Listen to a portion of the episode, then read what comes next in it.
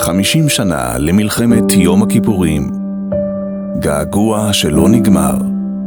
סמל עמוס פריד נפל ביום ט"ו בתשרי, תשל"ד, 11 באוקטובר 1973, בן 22 בנופלו.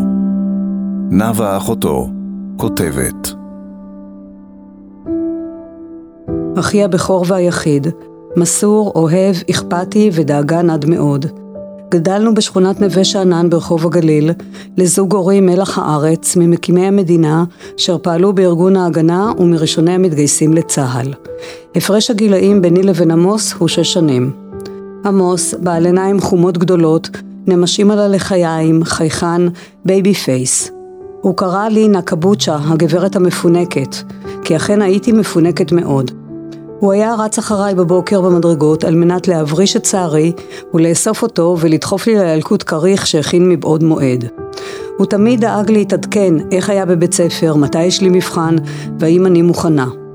עמוס כונה על ידי חבריו המצפון, כיוון שהתמסר כל כולו לעזרה לזולת, ללא תמורה וכמעט בסתר.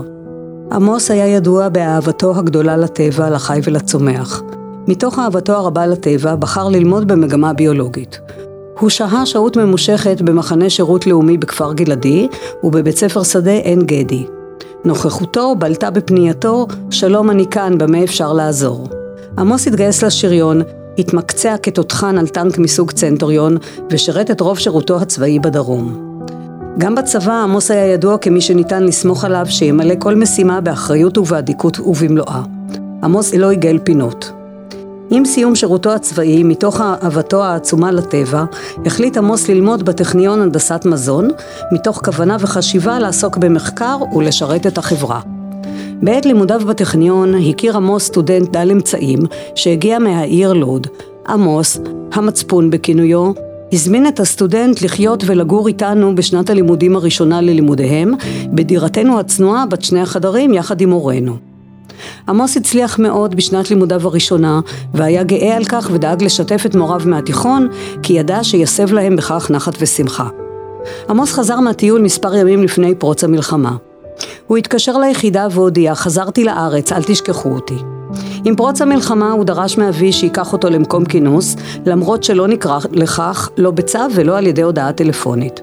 הוא עוד הספיק לרוץ לבית של סבתא שלנו ולהזהיר אותה שאם יהיו אזעקות שתרד למקלט. עמוס התגלגל, התגלגל בדרך לא דרך והגיע לרמת הגולן. במהלך המלחמה הוא עבר בין כוחות טנקים שונים, וכל פעם שנפגע הטנק בו לחם, הוא חיפש להצטרף לטנק לוחם אחר. שמעו אותו צועק ושואל מי צריך תותחן, אני תותחן ואין לי טנק. כך למעשה חבר עמוס לגדוד ציור 134, תחת פיקודו של אלוף משנה מיל חנני תבור. הגדוד לחם כתף אל כתף עם חטיבה 179 והשתלב בקרבות בלימת הצבא הסורי ובהמשך בהבקעת מערכי הסורים על ציר קונטרה דמשק. הסורים הפגיזו באש ארטילריה עצומה ונוראית. ביום א' סוכות, 11 באוקטובר 73, בכניסה לכפר חאן ארנבה, עלה הגדוד על מערב. בקרב זה נפלו 12 הלוחמים, ביניהם עמוס. ערב קודם לכן הספיק עמוס לכתוב לנו גלויה.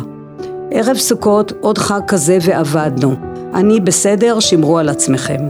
למחרת, באלף סוכות, בשעה 14 ו-20, עמוס נפל. הביא לשידור דודו אזולאי, ערכה והפיקה ליעד ובר.